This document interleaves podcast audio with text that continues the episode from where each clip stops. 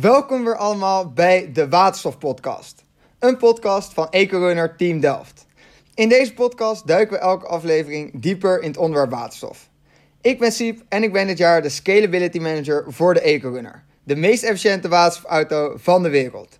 Met deze podcast willen we onze missie uitdragen, namelijk iedereen het belang laten inzien van waterstof en zijn rol in de energietransitie.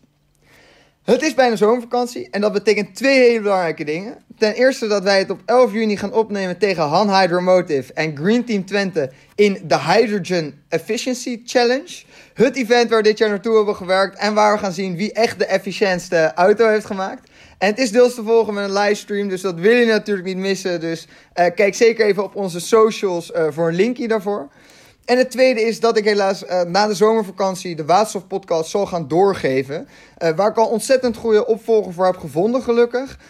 Maar, en misschien dat we nog eind juni een aflevering doen, uh, maar dit zou nog wel eens mijn uh, laatste aflevering kunnen zijn. Dus uh, ik, zal, ik zie Randolph al kijken van gaat het wel goed, maar ik zal de emoties proberen te onderdrukken deze aflevering. Want ik ben natuurlijk ook niet zielig en er is nog zoveel leuks ook te doen in de energietransitie dat ik me zeker niet verveel. Maar eerst wordt dit denk ik een ongelooflijk leuke aflevering weer. Uh, we hebben het natuurlijk in de allereerste aflevering met Ad van Wijk al gehad over de import van energie door middel van waterstof vanuit plekken waar groene energie goedkoop is. Maar wat worden nou die grote producenten uh, van die waterstof en wie worden juist de importeurs? Wat worden de rollen van de verschillende landen in die wereldwaterstofeconomie en hoe lang moeten we nog wachten totdat die echt op gang komt? Ik heb het erover met Randolph Weterings, programmamanager waterstof bij het havenbedrijf Rotterdam de energiehaven van Europa, die op dit moment goed is voor de import van 13% van de totale Europese energievraag. Randolph, dankjewel dat je er bent. Dankjewel, Siep. Leuk om uh, deel te nemen aan je podcast. Ja, zeker. Ben je, ben je zelf ook een Rotterdammer? Nou ja, bijna. Ik woon in Barendrecht, dus dat is, uh, nou ja, je, je, kan er naartoe lopen, zou ik maar zeggen. Ja, ja, je hoort toch, het, het accent is, uh, is, is goed herkenbaar, maar in ieder geval in de buurt. Ja, ik, ik zelf ook, dus daarom vind ik het natuurlijk extra leuk ook om de Port of Rotterdam uh, een keertje langs te hebben. Altijd de goede herinneringen als kleine jongen al op de speedo door de haven. Toch een uh, hoop trots zit daar. Um, maar ook voor jou, waar ben je waterstof voor het eerst tegengekomen? Um, ja, eigenlijk al vrij, um, vrij vroeg. Want waterstof is natuurlijk niet, niet iets nieuws. Hè? Ik bedoel, waterstof bestaat al uh, een, een, lange tijd, ook in de Rotterdamse haven. En eigenlijk begon het bij mij in 2010. Ik ben toen afgestudeerd op de TU Delft. En um, een van mijn onderzoek ging over batterijopslagsystemen. En uh, de, de uitdaging om, of in ieder geval om energie te gaan opslaan voor lange termijn en ook voor uh, de hele energievraagstukken. Ja, en eigenlijk was mijn conclusie al heel snel dat met een batterij alleen ga je het niet redden en een gas heb je nodig. En als je wilt gaan decarboniseren, dan moet je naar een gas waar dat um, waar je geen CO2 als het ware meer uh, bij betrokken hebt. En dan kom je eigenlijk al heel snel bij waterstof terecht. Ja. Ja, we hebben het er natuurlijk ook al in een eerdere aflevering precies ook inderdaad over gehad. En uh, ik ben het helemaal, we zijn het natuurlijk helemaal met je, met je eens. Um, en nu dan uh, op zijn op chic, op zijn Engels, a Program Manager Electrification and Hydrogen. Wat is jouw taak bij de Port of Rotterdam? Ja, ik zit bij, ik zit bij de commerciële tak van het havenbedrijf. Um, wij kijken naar de, uh, binnen het energietransitieteam naar, uh, nou, naar verschillende uh, methodes om te decarboniseren. In 2016 zijn wij gestart met een groot decarbonisatieprogramma. Uh, gestart vanuit een onderzoek van wat heb je allemaal nodig om naar de Parijsdoelstelling als het ware toe te gaan. Nou, daar, daar bestaan een aantal onderdelen uit die je moet gaan, gaan oplossen. Um, waaronder elektrificatie en waterstof. Uh, dus mijn focus is uh, op dat stukje van de energietransitie. Uh, met elektrificatie kijken we bijvoorbeeld naar, naar offshore wind. Wind direct toe te passen in de industrie. En met waterstof, nou ja, dat is de afgelopen twee jaar enorm gegroeid. Kijken we naar, naar import-export activiteiten, naar productie in de haven, naar infrastructuur in de haven en naar het achterland toe. En ook naar gebruik in de industrie, maar ook zeker naar nieuwe toepassingen. En dat, dat coördineren. Kijk, kijk. En we gaan natuurlijk nog veel meer over de Port of Rotterdam hebben, het havenbedrijf. Um, maar even voor de recap. Waarom willen we ook alweer nou juist waterstof in zulke grote hoeveelheden over de wereld gaan transporteren? Nou, de, het energievraagstuk is, is, is behoorlijk complex. dus uh, als je kijkt naar, uh, naar onze energievraag, die is enorm groot. Die wordt ook alleen maar groter. we verwachten wel dat de energieverbruik wat, wat, wat efficiënter gaat doen in de toekomst, maar dan, desalniettemin zal het blijven stijgen. en dat moet je ergens vandaan halen. En ehm, wij gebruiken te veel om het zelf op te wekken. Dus je zal altijd met, uh, met energie moeten gaan verslepen, als het ware, van plaats A naar plaats B. Dus daar waar je te veel uh, energie hebt, kan je dat transporteren naar een plek waar je te weinig energie hebt. En waterstof is, zo'n, is een molecuul die kan bijdragen aan de CO2-reductie, aan de klimaatdoelstellingen. Die kan je vanuit renewables opwekken. En het is een molecuul dat je kan, ja, eigenlijk kan verschepen. Dat wat je met elektriciteit niet kan doen. Dus je kan het inderdaad goedkoop transporteren uit die plekken waar je die ruimte wel hebt en waar die zon goed schijnt. Ook precies het verhaal van Ad van Wijk natuurlijk. En ook om, om, een beetje een idee te krijgen. Je zei al, ja, op dit moment importeren we dus inderdaad ongeveer de helft van onze energie in de vorm van fossiele brandstoffen. Ook duurzaam kunnen we waarschijnlijk niet alles zelf opwekken.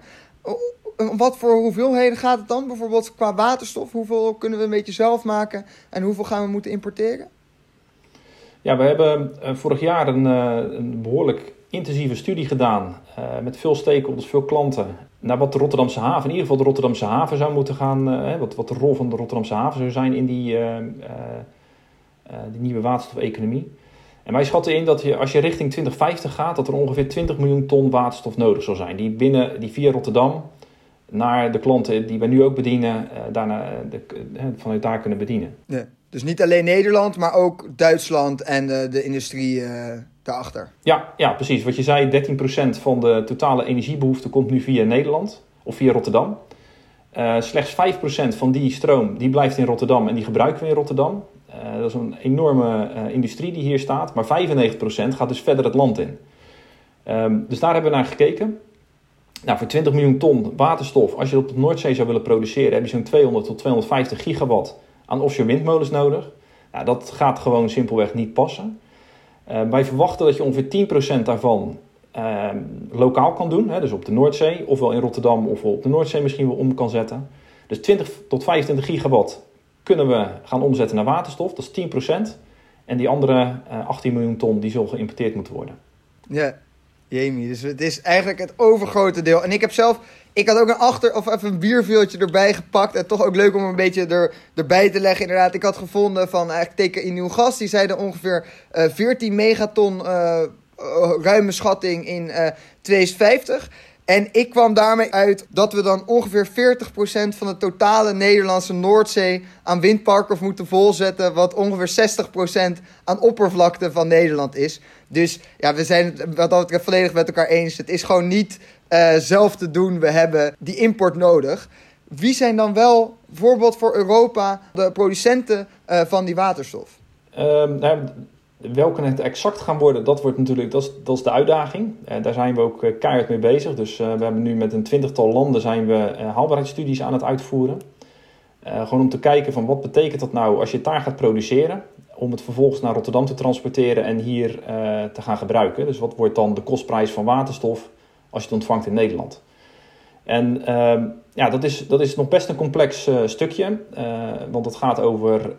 Uh, het gaat er natuurlijk over van wat zijn de bronnen in die landen? hoeveel wind, hoeveel zon hebben ze beschikbaar? Wat gaan ze zelf gebruiken? Wat hebben ze als overschot? maar ook zeker wat zijn de, de transportkosten daar naartoe? Um, en wat je ziet is dat nou, voor ons de, de, de grote vraag is hoe gaat zo meteen al die waterstof dan naar ons toe komen? Daar zie je ook dat verschillende landen, verschillende, en misschien verschillende consortia's daar kijken naar verschillende toepassingen. Het kan vloeibaar, het kan ammoniak, het kan een eh, LOAC zijn.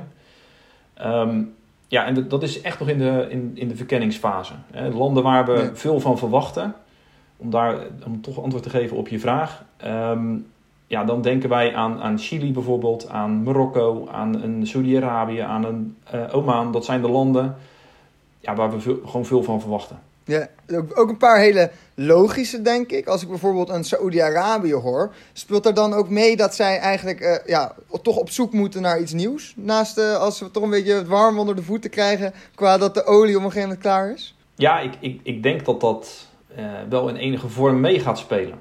ik denk dat, dat iedereen wel ziet dat we die kant op moeten. Dat waterstof een belangrijk onderdeel daarin gaat zijn. En zulke landen hebben natuurlijk op zich een, een heel mooi uitgangspositie. Hè. Die hebben op dit moment uh, aardgas, wat ze zouden kunnen verblauwen. Dus door de CO2 af te vangen en op te slaan en om te, om te zetten naar waterstof. Daar kunnen ze al behoorlijke hoeveelheden mee, uh, mee, mee starten.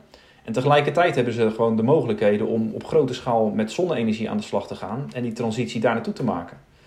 Dus enerzijds denk ik inderdaad dat ze, dat ze moeten. Anderzijds hebben ze ook gewoon een perfect, perfecte locatie om dit soort dingen te ontwikkelen. De omstandigheden. Ja. En dan is inderdaad zo'n... Kijk, als ik dan Saoedi-Arabië vergelijk met een Marokko of een, of een Chili bijvoorbeeld... dan uh, kan ik me voorstellen dat Saoedi-Arabië wel enorm uh, veel geld heeft. En eigenlijk dus eigenlijk de, echt de massa om te zeggen... Hats, uh, zonneparken en let's go. Merk je dan ook dat dat toch een beetje een koploper is? Of zijn zij toch puur eigenlijk nog uit het economische uh, belang? Um, ja, je ziet bij uh, in Saudi-Arabië, daar zijn ze echt wel aan de slag. Uh, andere landen, daar is het meer, die zijn wat later aangehaakt, denk ik. En dan gaat het ook snel hoor, maar die, die zitten nog meer in de planvorming. Ja, ik denk in, in Saudi-Arabië zit natuurlijk absoluut gewoon geld om, om het te ontwikkelen. Um, en als je kijkt vanuit zon, dan he, hebben zij ook de locaties waar je op, dit moment de goedkoopste stroom kan produceren. Dus je business case heb je eigenlijk ook al heel snel. Nee. Ja, en dan, dan kan je daar natuurlijk wel behoorlijk op versnellen. Ja, ja cool. En, en er is denk ik, zeg maar inderdaad wat je zegt, het staat ontzettend in de kinderschoenen. En er is nog heel veel onduidelijkheid. Er is wel een zo'n echte mooie samenwerking is er al tussen uh, Japan en Australië. Wat voor, wat voor samenwerking hebben die? Nou ja, kijk, Japan is, uh, is een land eh, wat natuurlijk altijd ook uh, energie moet importeren. Dus zij kijken naar een diversificatie van, uh, van energie. Ik denk dat het waterstofstukje daar niet is gestart. Ik ben daar zelf twee jaar geleden geweest. Um, het waterstofstukje is daar niet gestart, of die ontwikkeling is niet gestart vanuit decarbonisatie, maar echt vanuit de behoefte van een energiestroom, hè, met uh, de kerncentrales die daar moesten stoppen. Die hebben een hele slimme samenwerking gezocht met, met Australië. Een locatie waarbij ze ook kunnen starten vanuit fossiel. Dus met, met CCS, dus met CO2 opslaan en afvangen, waterstof produceren, naar, naar Japan toe te transporteren. En naast die kolenmijn, want daar gaat het vanuit kolengasificatie Daarnaast ligt een enorm potentieel voor zon. En dus ze, zijn die, ze hebben gezegd, nou, we, pakken een, een, een stuk um, of een land waar we in ieder geval een zekerheid hebben dat we veel energie kunnen gaan krijgen, welke kant het ook op gaat. Uh, we kunnen het CO2-neutraal maken vanuit fossiel, maar tegelijkertijd starten we met die enorme transitie richting zon. Um, en kunnen ze daarmee op, op, uh, op overschakelen. Dus de, de, nou eigenlijk de soort van de, de opschaling van die, van die logistieke keten, die kunnen ze groot starten. Wat je nodig hebt om je kosten te reduceren door middel van fossiel. Uh, en dan kunnen ze nou, eigenlijk naadloos overgaan naar, uh, naar groene waterstof. Ja, cool. En ik dat moet ook zeggen, ik was er toevallig gisteren zat ik in een paper dat ik dacht van, oh, dit is zo. ik was mijn tijd niet aan het verdoen, maar ik was er wel helemaal off track als je nog een keer daar tijd voor hebt, duik in de energiegeschiedenis van Japan. Want het is vreselijk interessant. Ze waren echt in de jaren 70 nog 80% afhankelijk van olie uit Saoedi-Arabië, energieafhankelijk. Natuurlijk, natuurlijk die kerncentrales nu weer volledig uh, ervan weg. En uh, zij zijn echt inderdaad een land wat, al, wat heel erg dat, dat, dat misschien gewend is. En ik vond inderdaad ook wel humor dat uh, je dan, ik dacht van, oh, Australië te gek, lekker zonnig. En dat ze vervolgens uit bruinkolen inderdaad die uh, waterstof gaan maken. Dus de allergoorste van de goorste, zeg maar. En zo, het was ook niet een helemaal feilloos CCS-proces. dus zo'n 70, 80 procent konden ze afvangen. Donkerblauwe waterstof noemden ze het zelf. Het mocht net niet helemaal mocht het blauw zijn. Maar wel super gaaf om zo'n inderdaad zo'n samenwerking. En perfect om daar vanuit uit te bouwen. Als inderdaad het met zon en elektrolyse op een gegeven moment goedkoper is. Dan, dan ligt die lijn daar. En Japan is ook echt een land wat dus. Nou, ze zijn er misschien een beetje gewend is. Wat zelfs zegt van joh, in 2050 hebben we misschien wel tot 40% van onze elektriciteitsopwekking. Zelfs door middel van waterstof. Um, is het dan eigenlijk een beetje een, een alternatief bijna die import voor een eigen energietransitie? Uh, voor Japan zelf?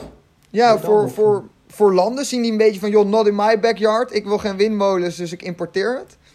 Um, nou ja, ik, ik, ik denk dat dat ook wel gewoon een beetje te maken heeft met de, de plekken waar je um, goedkoop en, en veel uh, energie kan produceren. Uh, daar zit gewoon vaak niet de, de, het gebruik. dus als je kijkt bijvoorbeeld naar, naar, naar de Sahara-woestijn, ja, daar wonen niet zoveel mensen, ehm, maar hier in Europa wel. En het, het, is gewoon niet mogelijk om al die energie op te, zelf, zelf op te wekken. Uh, daar, hè, bijvoorbeeld, als je kijkt naar een, uh, ik noem maar wat, een, een bijvoorbeeld een, land als Chili, die zo meteen een mooie exportpotentieel zou hebben, ja, die zal het waarschijnlijk wel zelf gaan produceren, ook voor zichzelf. Hè, dus ook uh, gaan gebruiken. Maar die hebben gewoon een overschot. en ja, in, in andere landen heb je gewoon een tekort. En niet, niet zozeer omdat je het niet op je, in, in, je achtertuin kan produceren. ik bedoel, maar als je kijkt naar Nederland. de business case beter is. Nou, de business case is beter, maar um, ook gewoon het oppervlak. Als je kijkt naar Nederland, hoeveel mensen hier wonen, wat voor industrie we hebben, um, wat voor energieverbruik we hebben, dan is dat niet, uh, niet allemaal gewoon, ja, is dat gewoon niet allemaal te produceren hier. Ja, ja, tuurlijk. En je wil natuurlijk een beetje zelf doen. Energieafhankelijkheid is natuurlijk ontzettend, uh, blijft een belangrijke rol spelen in, in het hele proces en de politiek daarachter natuurlijk. Um, wat zijn nou nog grote drempels? Ik zat bijvoorbeeld te denken, nou heb ik donkerblauwe waterstof uit, uh, uit Australië, heb ik wat lichter blauwe waterstof ergens anders vandaan, ik heb groene waterstof, grijze waterstof. Is er ook voor om zo'n wereldhandel? Wordt er, er, komt er een beetje iets op gang qua groen certificaten of certificatie voor die, voor die waterstof, om dat eerlijk te verhandelen? Ja, binnen Europa wordt er al uh, in het Certified project een lange tijd gewerkt aan het certificeren van waterstof. Want daar moet je uiteindelijk natuurlijk wel naartoe. Um, in Europa worden er ook al pilots gedraaid van hoe, hoe werkt dat nou? Want ja, je hebt dan een, een, een productie vanuit groene stroom. Uh, daar komt een certificaat uit. Die moet gecanceld worden als je overgaat naar, uh, naar waterstof. Dus dat moeten we met elkaar goed inregelen. Uh, nou, als je kijkt naar de Rotterdamse haven, dan zijn we een, een wereldspeler. Dus energie gaat uh, ook buiten Europa. Dus voor ons is het ook echt van belang dat dat niet alleen in Europa blijft, maar ook gaat plaatsvinden in andere landen. En gelukkig zien we dat, uh, dat toch wel andere landen dat nu aan het volgen zijn. Dus uh, gesprekken die we bijvoorbeeld hebben met Canada, daar merk je al dat Certify daar de basis gaat worden um, voor, ook voor, die, voor hun certificeringssysteem. Dus dat is uh, absoluut een proces wat, wat gaande is. het is er nog niet. Hè, er zijn allemaal nog, nog in ontwikkeling. Maar dat is wel een absolute voorwaarde voor zometeen ja, goede stromen. En ehm, zeker te zijn dat je groene waterstof krijgt als je dat wil. Um, of blauwe waterstof of wat dan ook. En dan uiteindelijk, als we dus dat, uh, is dat uh, een grote barrière en het moet natuurlijk gewoon op gang komen. En dan krijgen we die echte wereldwaterstofhandel. En als we het nou hebben over die wereldwaterstofeconomie, dan hebben we het natuurlijk heel erg over de importeurs, de exporteurs. Maar ook een hele belangrijke is toch al uh, de productie van bijvoorbeeld die electrolyzers. Uh, wie zijn daar een beetje de, de grote spelers? Nou, je hebt een aantal uh, belangrijke spelers. Uh, dus een ITM, een NEL, een uh, en nog een paar die, die behoorlijk aan het opschalen zijn. Die zijn op dit moment eigenlijk allemaal bezig met nou, de schaalgrootte naar gigawatt te gaan bereiken. En dus je moet je voorstellen dat nu de electrolyzers op megawatt, 1 tot 10 megawatt schaalgrootte zijn. En dat gaat allemaal naar gigawatt toe. Um, ja, daar, daar zijn een aantal spelers die lopen daar echt op kop. Die zijn nu de, uh, de, de fabrieken aan het opschalen, want alles gaat nog met de hand. Dat wordt nu geautomatiseerd. En dat is in China, is dit? Of, uh... Nee, nee, nee. Dat is ook, uh, ja, dat is ook in China. Maar bijvoorbeeld een, een ITM komt uit Engeland. Um, Nel zit in Noorwegen. McFly zit in, in Frankrijk. Um, en die zijn allemaal op zoek naar locaties om die productie te gaan opschalen. Want het gaat in Nederland ook wel eens in, de, in het waterstofdebat ook over een Nederlandse maakindustrie voor electrolyzers. Uh, is dat, zijn we ontzettend achter de feiten aan aan het lopen of is dat nog best wel realistisch? Nou, ik denk dat zoals Nederland zijnde, zeker in de toeleveranciers, daar kom je Nederlandse partijen al tegen. Ik denk dat daar enorme kansen liggen. Um, een, een, een echte electrolyzerfabrikant, ja, daar merk ik zelf nog uh, ja, toch wel van dat de landen om ons heen en de bedrijven die daar zitten uh, toch echt wel een stapje verder zijn. Uh, dus daar loop je misschien achter de feiten aan als je dat wil gaan doen. tegelijkertijd zijn dit soort partijen wel op zoek naar hun opschalingslocaties, hun verdere research en verdere ontwikkeling. En dat, ja, dat zie je toch vaak gebeuren in landen waar de markt is. Dus ik denk als Nederland zijn, hebben we daar absoluut een, een enorme kans. Want in Nederland ligt alles vrij dicht bij elkaar.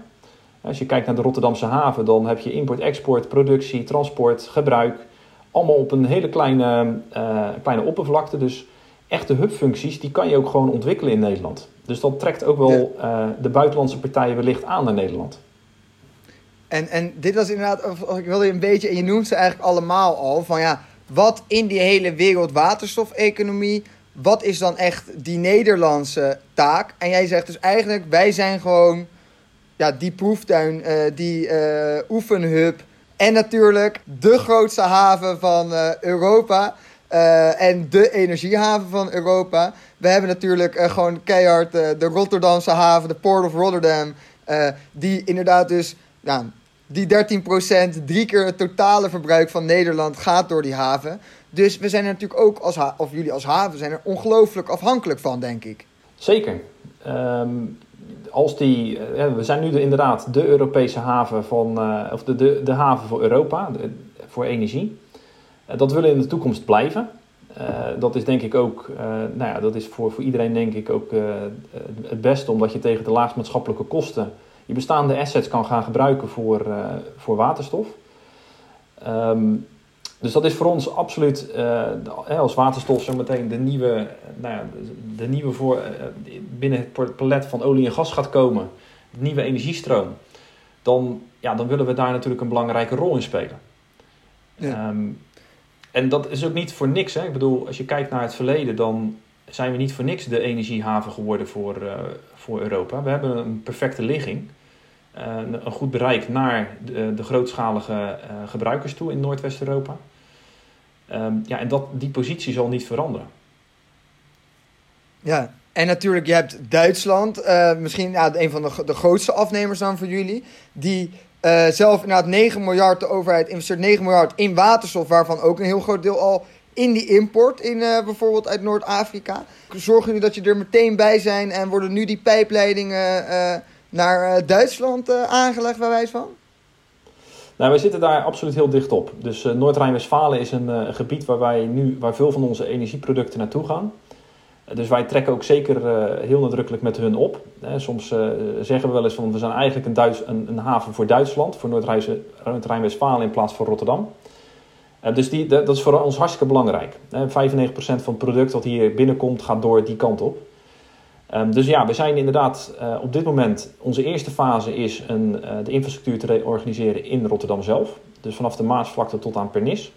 De verschillende producenten en importstromen te kunnen combineren met, en, en, uh, met de gebruikers in de haven. Um, en tegelijkertijd werken we inderdaad ook al aan die verbinding naar het achterland toe. Dus ook die tweede pijplijn, die tweede fase, die is voor ons net zo belangrijk als eigenlijk die eerste fase. Ja. Je hebt het al even inderdaad over ook uh, dat gebruik in de haven. Ik kwam een mooie uh, quote tegen van het eh, IEA, van het Internationaal Energieagentschap. de industriehavens moeten de zenuwcentra worden voor de opschaling van gebruik van schone waterstof. Dus inderdaad, behalve dat jullie doorvoeren en ontzettend gebruiken, en die hebben denk ik allebei al gekild, jullie zijn eigenlijk een totale proeftuin. We hebben bijvoorbeeld al eerder al, al het High Trucks project hebben we het al over gehad. Hebben jullie nog meer van dit soort projecten waar jullie ook echt oefentuintje zijn? Ja, zeker. Kijk, ehm, als we kijken naar eigen productie in de haven, dan, uh, dan hebben we op dit moment zo'n half miljoen ton waterstof dat hier geproduceerd wordt. Dus we kunnen in principe op basis van grijze waterstof zou je natuurlijk al het een en ander kunnen doen. Uh, en dat, die, die half miljoen ton wordt, wordt op dit moment dus ook geconsumeerd in in de Rotterdamse haven. De eerste slag is om die CO2 te gaan afvangen en te gaan opslaan. Dat kan eigenlijk vrij simpel hè, met het Portals-project, wat uh, nou, de laatste uh, weken in het nieuws is geweest. Daarmee creëren we blauwe waterstof. Uh, tegelijkertijd werken we aan de, de koppeling met offshore wind. Hè, dus een 2 gigawatt offshore windpark willen we gaan koppelen aan 2 gigawatt electrolyzers, een cluster van electrolyzers. Um, om daarmee zowel de bestaande industrie te vergroenen, want die hebben op dit moment gewoon een hele grote vraag naar waterstof. Daar kan je heel makkelijk um, die opschaling van de productie creëren en, uh, en, en, en, toepassen.